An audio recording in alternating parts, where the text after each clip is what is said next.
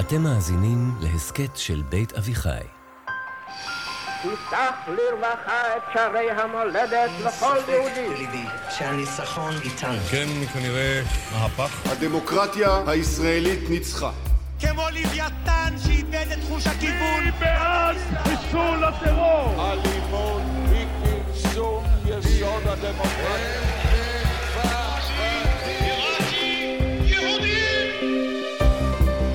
שלום, אני אפרת שפירא רוזנברג ואתן מאזינות ומאזינים לעונה השנייה של מפלגת המחשבות. ההסכת שבו יחד עם דוקטור מיכה גודמן אנחנו צוללים אל עומק הרעיונות שמאחורי הפוליטיקה הישראלית. סיימנו עכשיו מהלך של שישה פרקים שבהם ניסינו להקשיב רדיקלית לטיעונים השונים משמאל ומימין בעד ונגד יציאה מהשטחים. הצענו אפשרויות שונות לשבירת הדיכוטומיות בין ימין לשמאל במרחבי השיח השונים סביב הסכסוך, וכיוון שכבר למדנו כאן בעבר על הטבע האנושי, אנחנו כבר יודעים שעמדות פוליטיות נוטות להסתיר לנו את המציאות. לכן ניסינו להראות שבמציאות יש אמת גם באמירה שצריך לצאת מהשטחים, וגם באמירה שאסור לצאת מהשטחים. כל זה טוב ויפה, אבל לפעמים נדמה שזאת פריבילגיה של מי שעוסקים רק ברעיונות. כי עד כמה שזה אולי שובה את הלב, אם בכל טיעון יש אמת, על סמך מה אנחנו אמורים לקבל החלטות? האם צורת החשיבה הזאת לא בעצם מייצרת שיתוק? שלום מיכה. שלום אפרת. אנחנו סיימנו עכשיו שישה פרקים, שבהם בעצם לקחנו את ארבעת מרחבי השיח העיקריים של הדיון על עתיד השטחים, על הסכסוך הישראלי-פלסטיני, ופירקנו אותם והרכבנו מחדש. המרחב ההישרדותי, המרחב המוסרי, המרחב הציוני והמרחב היהודי.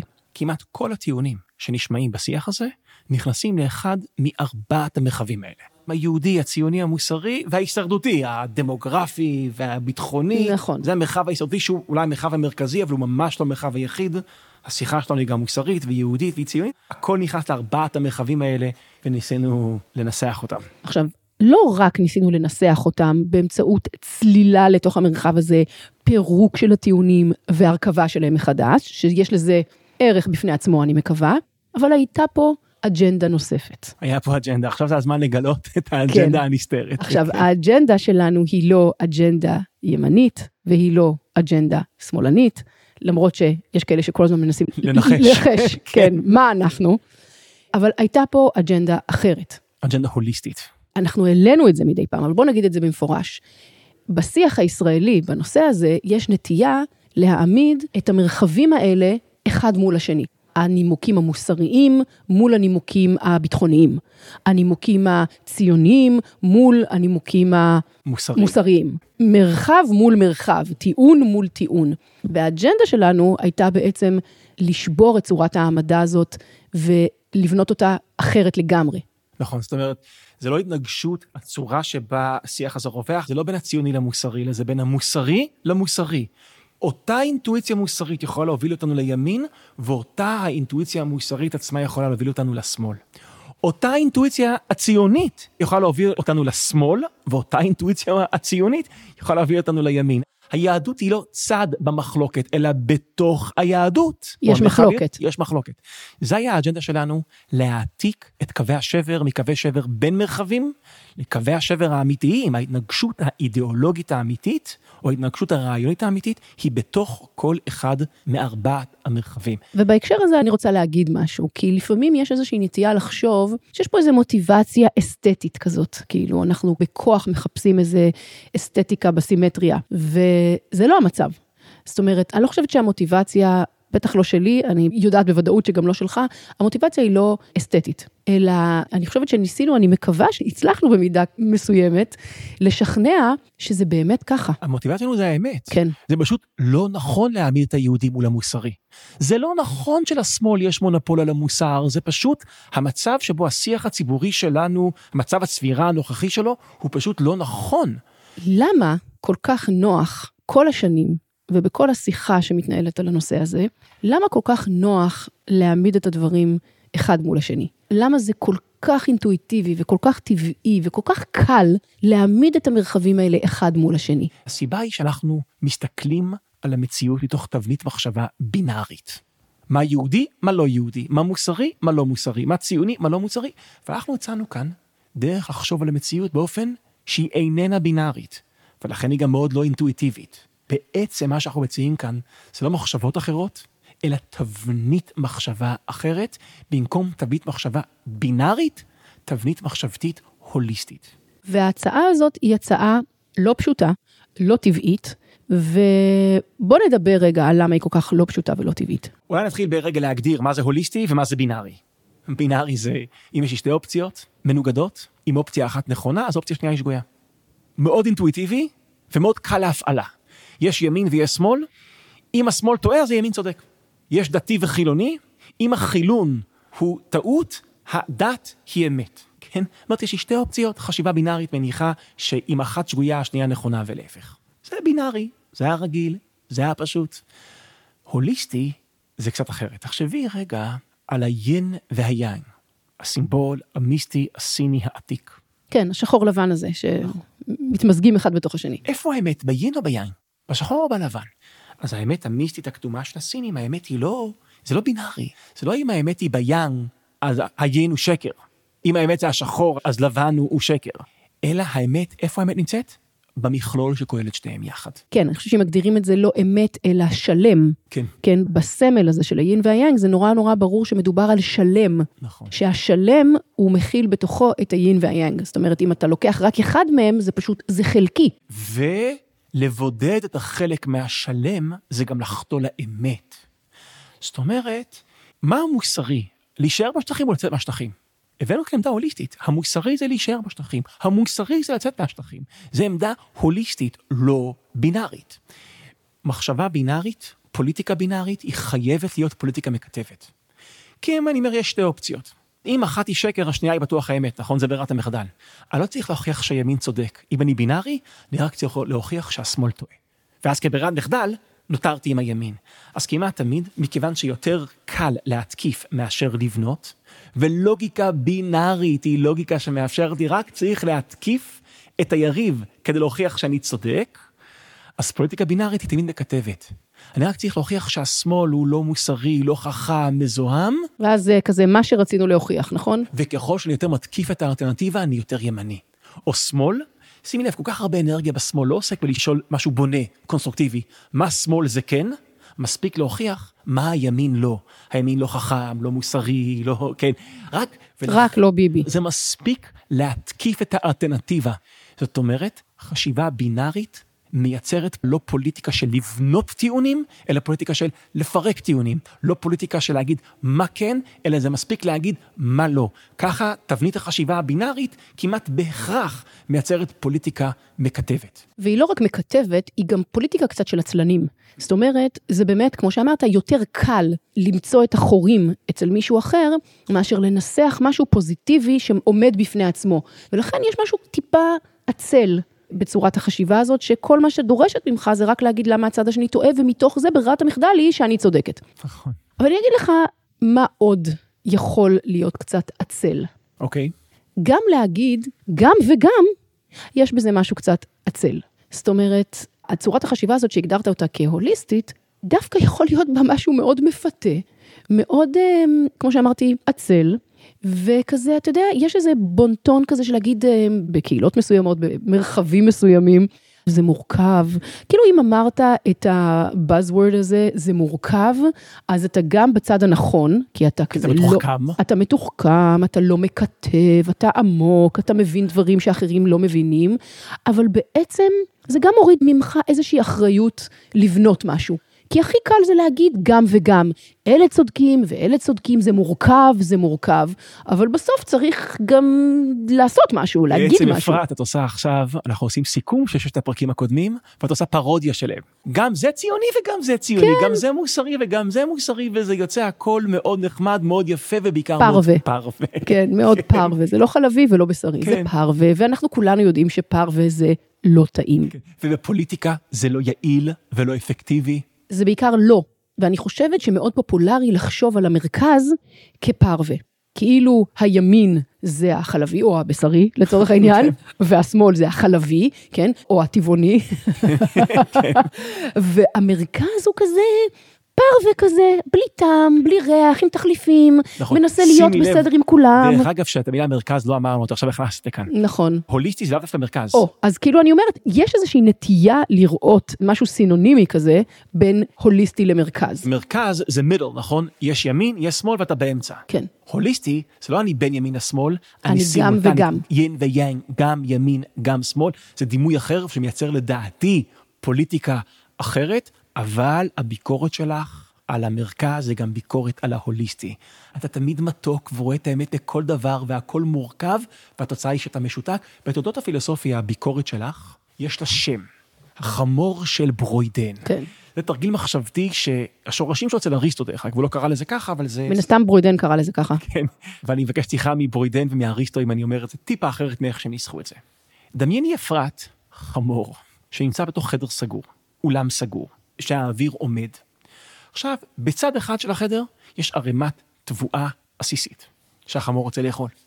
בצד השני של החדר יש ערימת תבואה עסיסית, ושימי לב, ערימות תבואה זהות בגודלן, זהות בעסיסיותן, וכל אחד מהם באותו מרחק בדיוק מהחמור, עומד בדיוק באמצע. מה יקרה לחמור? לאן הוא ילך? לאן הוא ילך?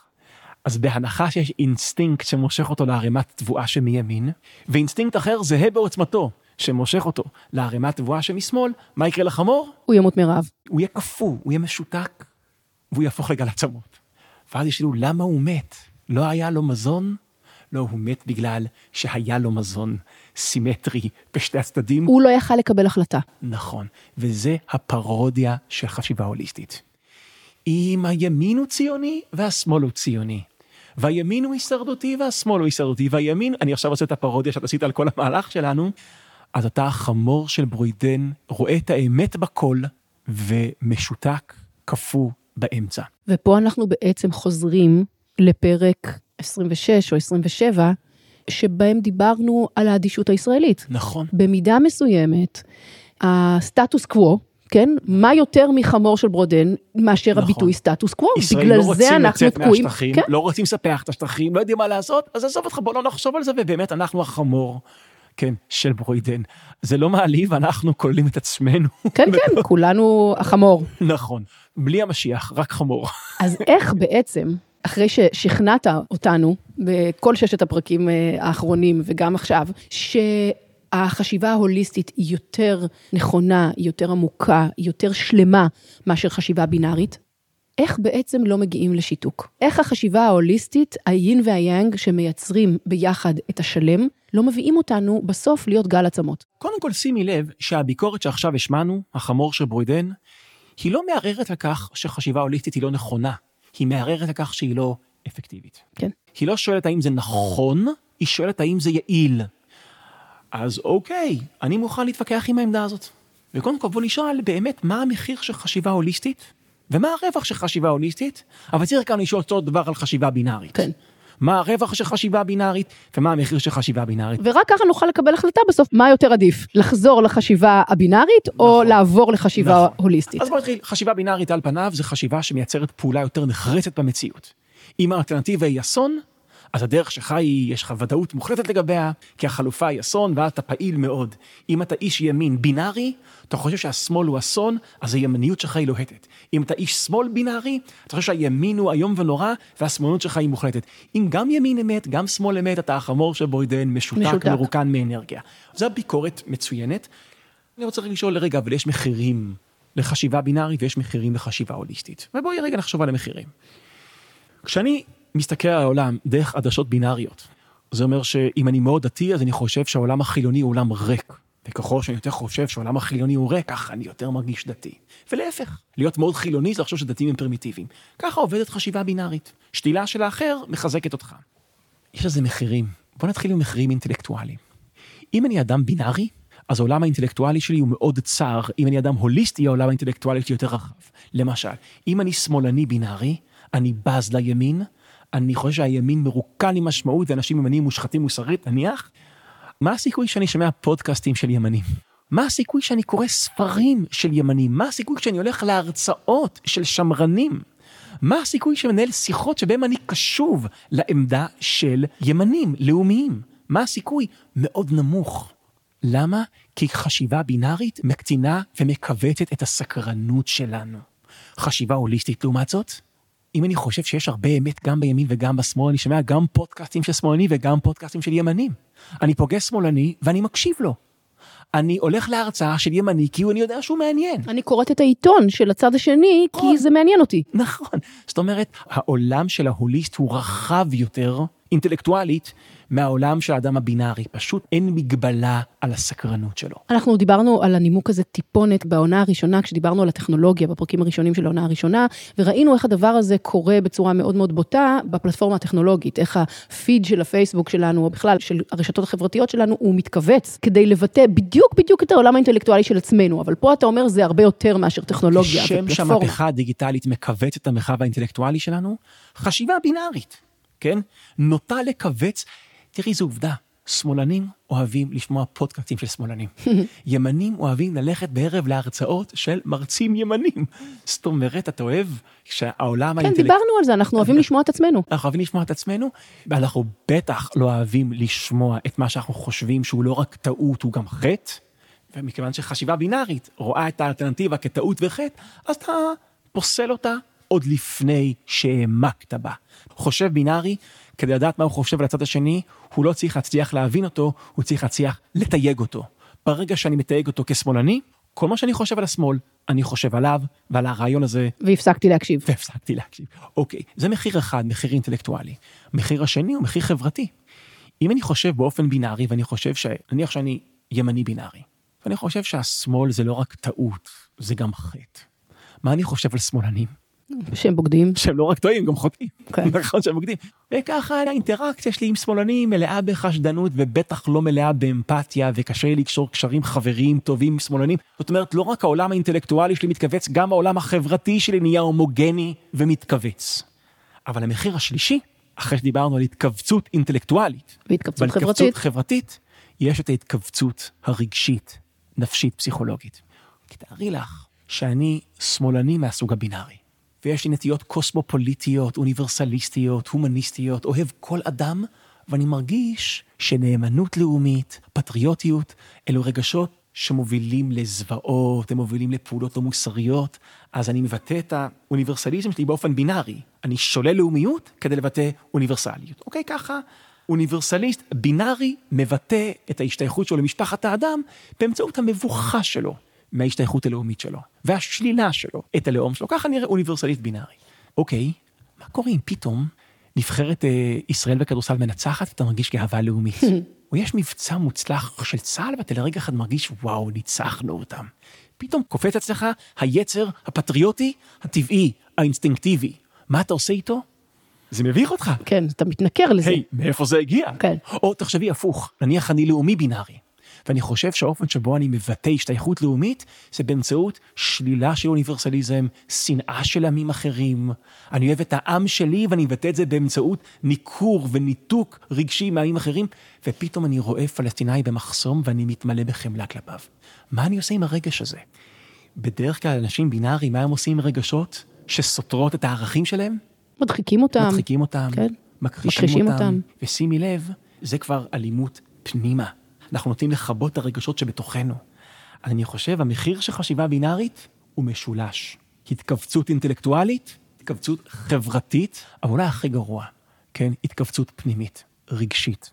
אתה נהיה מנוכר אם אתה אוניברסליסט בינארי, לפטריוטיות שבך, אם אתה לאומי בינארי, להומניזם שבך, מכיוון שהעולם הפנימי שלנו הוא עשיר, ואדם בינארי, עולם שלו הוא צר, הוא לא יכול שלא להפעיל הרבה הכחשה, לא רק החוצה, כלפי אנשים פנימה. אחרים, ורעיונות אחרים, וספרים אחרים, אלא גם כלפי הרגשות הפנימיים שלך. אז אולי, הנה ה trade-off, הנה עסקת החליפין. אדם הוליסט, העולם שלו יותר רחב, אבל הפעולה שלו פחות נחרצת. האדם הבינארי, העולם שלו יותר צר, אבל הפעולה שלו יותר נחרצת. אולי זה ה trade-off, זה עסקת החליפין שבין הפוליטיקה הבינארית מול הפוליטיקה ההוליסטית. אז בעסקת החליפין הזאת, איך אנחנו בוחרים בין שתי האופציות האלה? אנחנו השקענו כאן לא מעט מאמצים בפרקים האחרונים, כדי להציג פה אג'נדה הוליסטית. ובעסקת החליפין הזאת שציירת כרגע, אותי שכנעת, כן, שהתפיסה הבינארית, המחירים שלה הם מאוד מאוד כבדים. אבל גם בחשיבה ההוליסטית, יש לה מחיר כבד.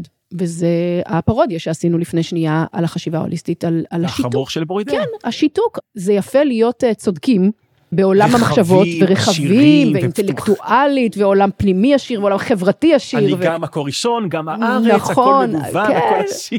אבל... אבל אתה חמור. כן, בדיוק, בדיוק, אבל אתה חמור.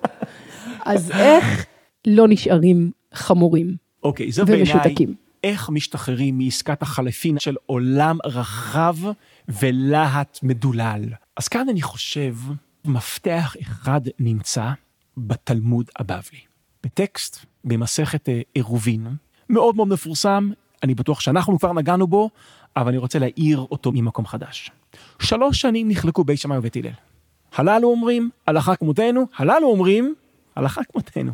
שאגב, אני קורא לזה ככה, הלכה זה הדרך שצריך להתהלך בה.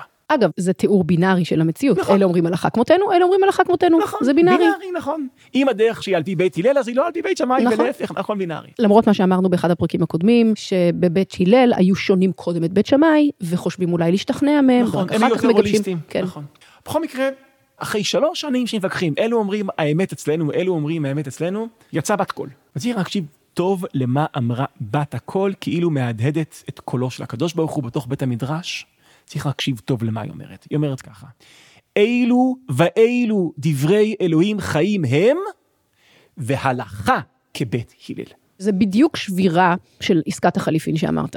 זאת אומרת, יש פה הוליסטיות בעולם הרעיונות, אבל יש הכרעה בעולם המעשה. בדיוק. הכוח של הבת קול זה שהיא מפצלת מושגית בין האמת לבין הפעולה. מבחינת האמת, הוליסטי. אלו ואלו דברי אלוהים חיים. הימין צודק והשמאל צודק, הדתיים צודקים והחיים, אוקיי? האוניברסטליסטים צודקים והלאומיים צודקים, מבחינת האמת. מבחינת הפעולה, רק צד אחד הוא נכון לפעולה. עכשיו, אני חושב ההזמנה של הבת קול לפצל בין אמת לבין פעולה, זו הזמנה מאוד עמוקה עם פוטנציאל אדיר. אתה יודע, זה מעניין, כי זה מהדהד לי, אמנם אני עשיתי חמש יחיד בגרות בכימיה, אבל זה, מה שאתה אומר, זה מהדהד לי דווקא משהו מתחום הפיזיקה. זה מזכיר לי את ה, אתה יודע, פיזיקת קוונטים, נכון? זה כאילו, בסופר פוזיציה, הכל קיים, זאת אומרת, החלקיקים גם נמצאים, וגם ב- חלקיק. כן, זה, זה נמצא בכל מקום, זה גם וגם וגם. איכשהו ברגע ההתממשות, בסוף זה מתכנס לכדי נכון. חלקיק אחד. כאילו שיש כאן סופר פוזיציה, מבחינת האמת הטהורה, האמת היא סופר פוזיציה. היא גם בית שמאי, גם בית הלל. כן. למרות שמנוגדים. אבל עכשיו, ברגע המדידה, שם יש רק אופציה אחת. עכשיו הפיצול הזה בין אמת לבין פעולה, אני לא יודע אם זה פותר את הבעיה של החמור של ברוידן, כמו שזה מנסח את האתגר של החמור. בתיאולוגיה הנוצרית יש מושג מרתק, קפיצה של אמונה. אני חושב שזה הרבה פירושים, אבל אחד, אה, אין הרי ראיות מוחלטות לכך שיש אלוהים, וזה די לא סביר שאלוהים מתגלה לאדם ודורש ממנו דברים. זה לא מסתדר עד הסוף עם התבונה, נכון? זה קפיצה של אמונה, קפיצה אל תוך אי הוודאות. זו תביעה הדתית מהאדם על פי המסורת הנוצרית, לעשות leap of faith, קפיצה של אמונה, קפיצה מעבר לוודאות שלך. זה מהדהד לי את הפסוק של, אה, שנאמר על אברהם בספר בראשית, ויאמין בהשם ויחשביה לו צדקה. מי יחשיב למי מה לצדקה, כן? כן. אבל שאברהם האמין בהשם, ואת זה אלוהים החשיב לו כצדקה. נכון, עצם זה האמין שהוא האמין בו. כנגד כל הסיכויים. כן. אלוהים אומר לאדם שאין לו ילדים, שלא יחיה לו זרע כעפר הארץ, הוא כזה, על מה אתה מדבר? זה קפיצה של אמונה. כן. עכשיו, זה תיאולוגיה נוצרית. אני חושב שבמסורת היהודית יש פחות קפיצה של אמונה ויותר קפיצה של מעשה.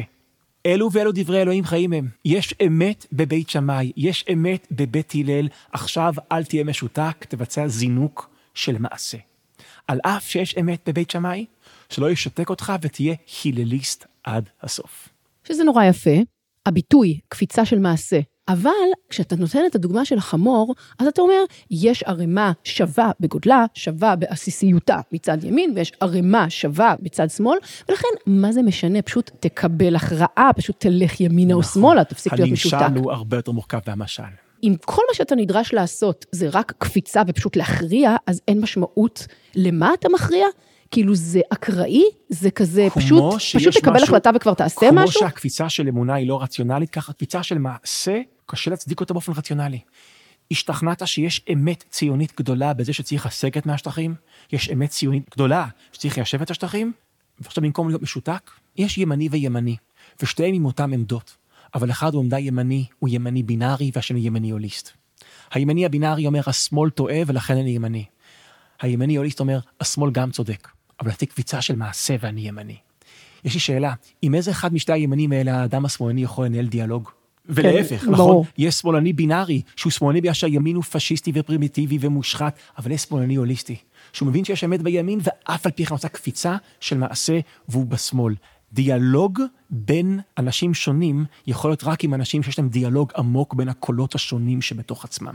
ועדיין, אני בכל זאת מתעקשת, כי אני חושבת שכשבאים להכריע מה לעשות, זה לא כזה, אתה יודע, אני, לפעמים ילדים כזה, כשהם צריכים לקפוץ לבריכה, הם כזה עוצמים את העיניים ואומרים, יאללה, אני קופץ, כן? אני לא חושבת שההכרעה בסוגיות פוליטיות כבדות משקל כל כך, צריכות או יכולות להיות אקראיות, או רק כזה על הבא באללה, אני, בגלל שאני החלטתי שאני שמאלנית, אז אני הולכת על הזה, אבל זה יכול להיות בדיוק אותו דבר באותה מידה. אנחנו צריכים קנה מידה שמאפשר לי לבצע קפיצה של מעשה.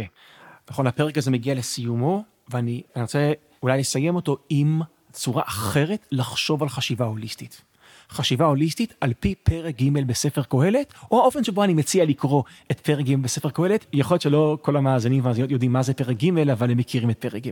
פרק ג' זה שיר העיתים המפורסם, נכון? לכל זמן ועת לכל חפץ תחת השמיים. עת ללדת ועת למות, עת לטעת ועת לעקור נטוע, עת להרוג ועת לרפוא, עת לפרוץ ועת לבנות. עת לחסות ועת לדבר, עת לאהוב ועת לשנוא, עת מלחמה ועת שלום. אומר כאן בהמשך, את הכל עשה יפה בעיתו. בעיתו. יכול להיות שמה שפרק ג' קהלת אומר, הכל אמת, הכל נכון. אילו ואילו דברי אלוהים חיים הם.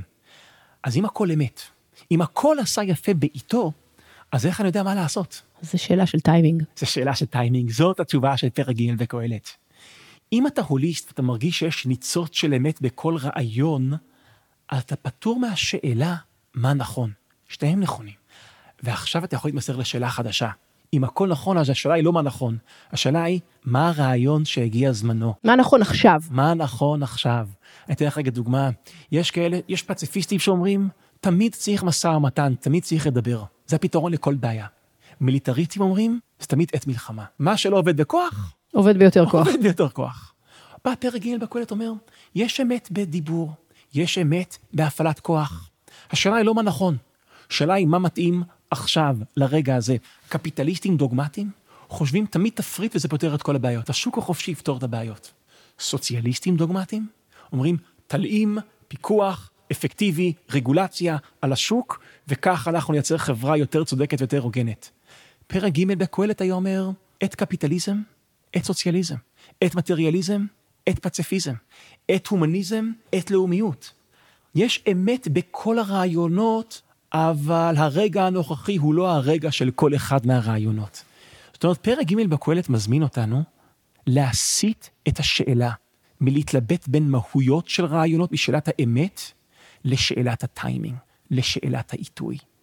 אדם הוליסטי כבר יודע שיש אמת בכל, בכל רעיון, אבל הוא לא יודע מהו הרגע שמתאים לאיזה רעיון. ובמידה מסוימת זאת התשובה לשאלה. זאת אומרת, אני חושבת שלפי מה שאתה אומר עכשיו, פרק ג' בקהלת הוא בעצם מפת הדרכים שלפיה עושים את הקפיצה של המעשה. זאת אומרת, אם בעולם הרעיונות הכל נכון, אז מה ידריך אותי בהכרעה בין המעשים שיכולים להיות נכונים שניהם? הניסיון להבין מה נכון לעכשיו, מה הטיימינג. וטענתי כזאת, אדם דוגמטי ובינארי, שחושב שהאמת שלו היא תמיד נכונה והאמת של יריב היא תמיד שגויה, הוא עיוור לטיימינג. כי הוא רק רואה רעיון, הרעיון הזה הוא תמיד נכון. אז אני עיוור לאופי הייחודי הפרטיקולרי של הרגע הזה. ופרדוקסלית, אותו הוליסט, שאמרת מקודם שהוא מנותק מהמציאות, אולי בתיווך של פרק ג' הוא הכי מחובר למציאות. כי אני כבר לא שואל, אני לא מכור לרעיונות, כי אני רואה את האמת גם ברעיון וגם בהפכו, אז אני קשוב רק לרגע, בתכלס, בשטח. אם יש אמת בימין ויש אמת בשמאל, אז במקום לשאול מי צודק, אנחנו עכשיו משוחררים לשאול מהו הרעיון שהוא נכון לרגע הנכון לרגע הזה.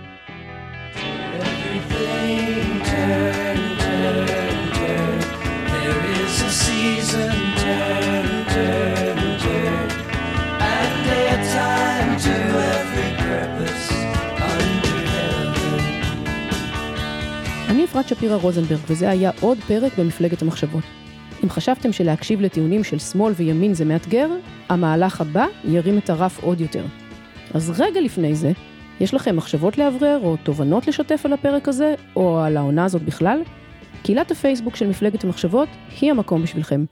אנשים ונשים שמסוגלים לקיים שיח עמוק, מכבד ומאתגר בנושאים הלא קלים שעולים פה. אתם מוזמנים להצטרף ולתרום את חלקכם. בקבוצה הזאת תוכלו למצוא גם לינק לקבוצת וואטסאפ שקטה, שבה תקבלו הודעה בכל פעם שיוצא פרק חדש.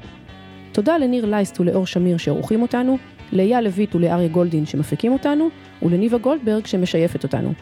פרקים נוספים של מפלגת המחשבות והסכתים נוספים של בית אביחי מחכים לכם באתר החדש שלנו ובזירות ההסכתים המובילות.